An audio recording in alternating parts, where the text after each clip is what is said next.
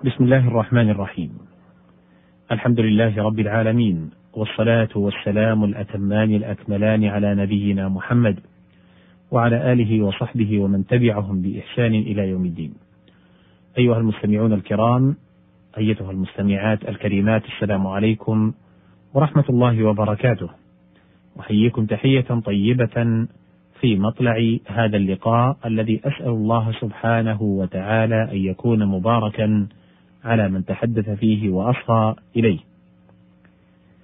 كان حديثنا قد توقف عند مادة الخاء والراء والطاء. قوله تعالى في سورة القلم: سنسمه على الخرطوم.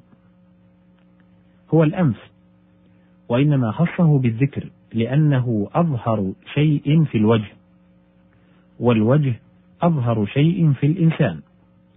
أن يجعل له علامة قبيحة يعرف بها.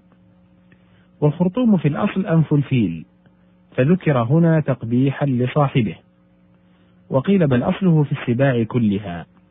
وقال الفرزدق: يا ضمي ويحك إني ذو محافظة أني إلى معشر شم الخراطيم أي مرتفع الآناف يشير إلى عزمهم والعرب تقول بأنفه شمم أي تكبر ولا يفعل ذلك إلا من له عز ومنعه. فلما كان هذا العضو يستعمل في معنى التعزز والتعظم جعل الله سمة ذل هذا الشخص على محل العز من غيره والسمة العلامة والمعنى مستلزمة عارا لا يمحي عنه أبدا. نحو جدعت أنفه. فإنه أشهر له إذ لا يمكن إخفاؤه عادة. الخاء والراء والقاف. قوله تعالى في سورة الأنعام وخرقوا له بنين وبنات بغير علم. أي اخترقوا في ذلك وكذبوا. وأصل الخرق قطع الشيء على سبيل الفساد من غير تدبر ولا تفكر وهو عكس الخلق. ويعبر بذلك عن الحمق وقلة الحلم.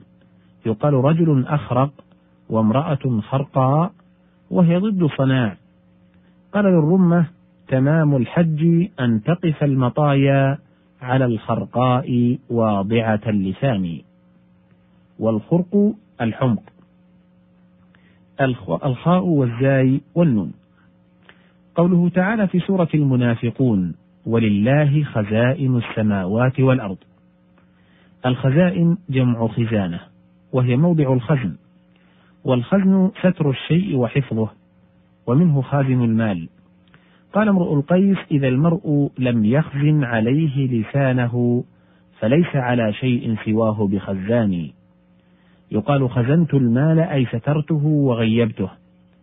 والخزانة في الأصل مصدر وهي عمل الخازن كالإمارة والولاية ثم أطلقت على موضع الشيء المخزون فيه. قوله سألهم خزنتها جمع خازن نحو خادم وخدم.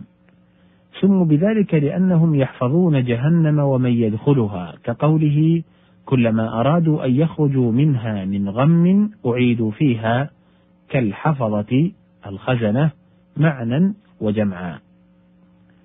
الخاء والزاي والياء. قوله تعالى في سورة الشعراء ولا تخزني يوم يبعثون أي لا تهني ولا تذلني وقيل لا تفضحني وأصله من قولهم خزي الرجل لحقه انكسار إما من نفسه أو من غيره فالأول هو الحياء المفرط ومصدره الخزاية. يقال منه رجل خزيان وامرأة خزياء والجمع خزايا. وفي الحديث غير خزايا ولا نادمين. الخاء والسين والهمزة. قوله تعالى في سورة البقرة قردة خاسئين أي أذلاء. والخاسئ هو الصاغر القميء.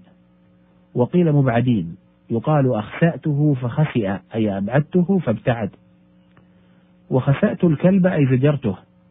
وقيل في قوله تعالى اخسأوا فيها إنه يجوز أن يكون بمعنى أبعدوا وأن يكون بمعنى انزجروا كما يزجر الكلب.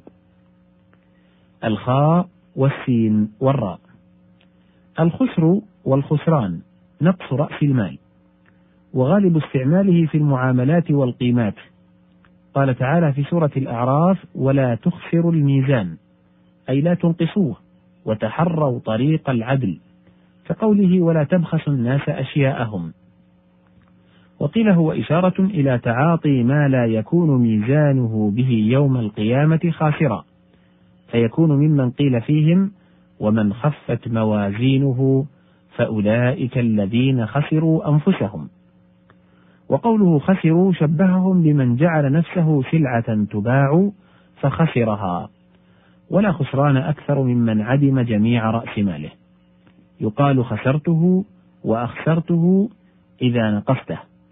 قال تعالى وإذا كالوهم أو وزنوهم يخسرون أي ينقصون. الخاء والسين والفاء. قوله تعالى في سورة القصص فخسفنا به. الخسف الخرق أي فخرقنا الأرض به وجعلناها به مخروقة كما يخرق بالوتد. يقال خسفه الله وخسف به. وقيل الخسف سؤوخ الأرض بما عليها. ومنه الخسيف البئر المحفورة في حجارة يخرج منها ماء كثير. وسأل العباس عمر رضي الله عنه ما عين الشعراء؟ فقال امرؤ القيس سابقهم خسف لهم عين الشعر. فاستعار العين لذلك. والخسف النقصان. قاله الأصمعي في قول من ترك الجهاد سيم الخسف. وقيل أصل ذلك من خسف القمر كأنهم تصوروا فيه حينئذ مهانة وذلا. قال المتلمس ولا يقيم على ضيم يراد به إلا الأذلان عير الحي والوتد. هذا على الخسف مربوط برمته ولا يشج فلا يرثي له أحد. ويقال خسف القمر وكسفت الشمس. فالخسوف له والكسوف لها. وقيل الخسوف والكسوف فيهما. إلا أن الكسوف لذهاب بعض ضوئهما والخسوف لذهابه كله. واعتبر من خسوف القمر ذهاب الضوء. يقال خسفت عينه فهي خاسفة إذا غارت. الخاء والشين والباء. قوله تعالى في سورة المنافقون كأنهم خشب مسندة. شبه المنافقين في قلة غنائهم بالخشب. ثم لم يكفه حتى جعلهم مسندة غير منتفع بها لأن الخشب ينتفع به في سقف ونحوه. هنا تنتهي هذه المادة وبنهايتها ينتهي الحديث مع وعد إن شاء الله بتمامه في لقاء مقبل إن شاء الله.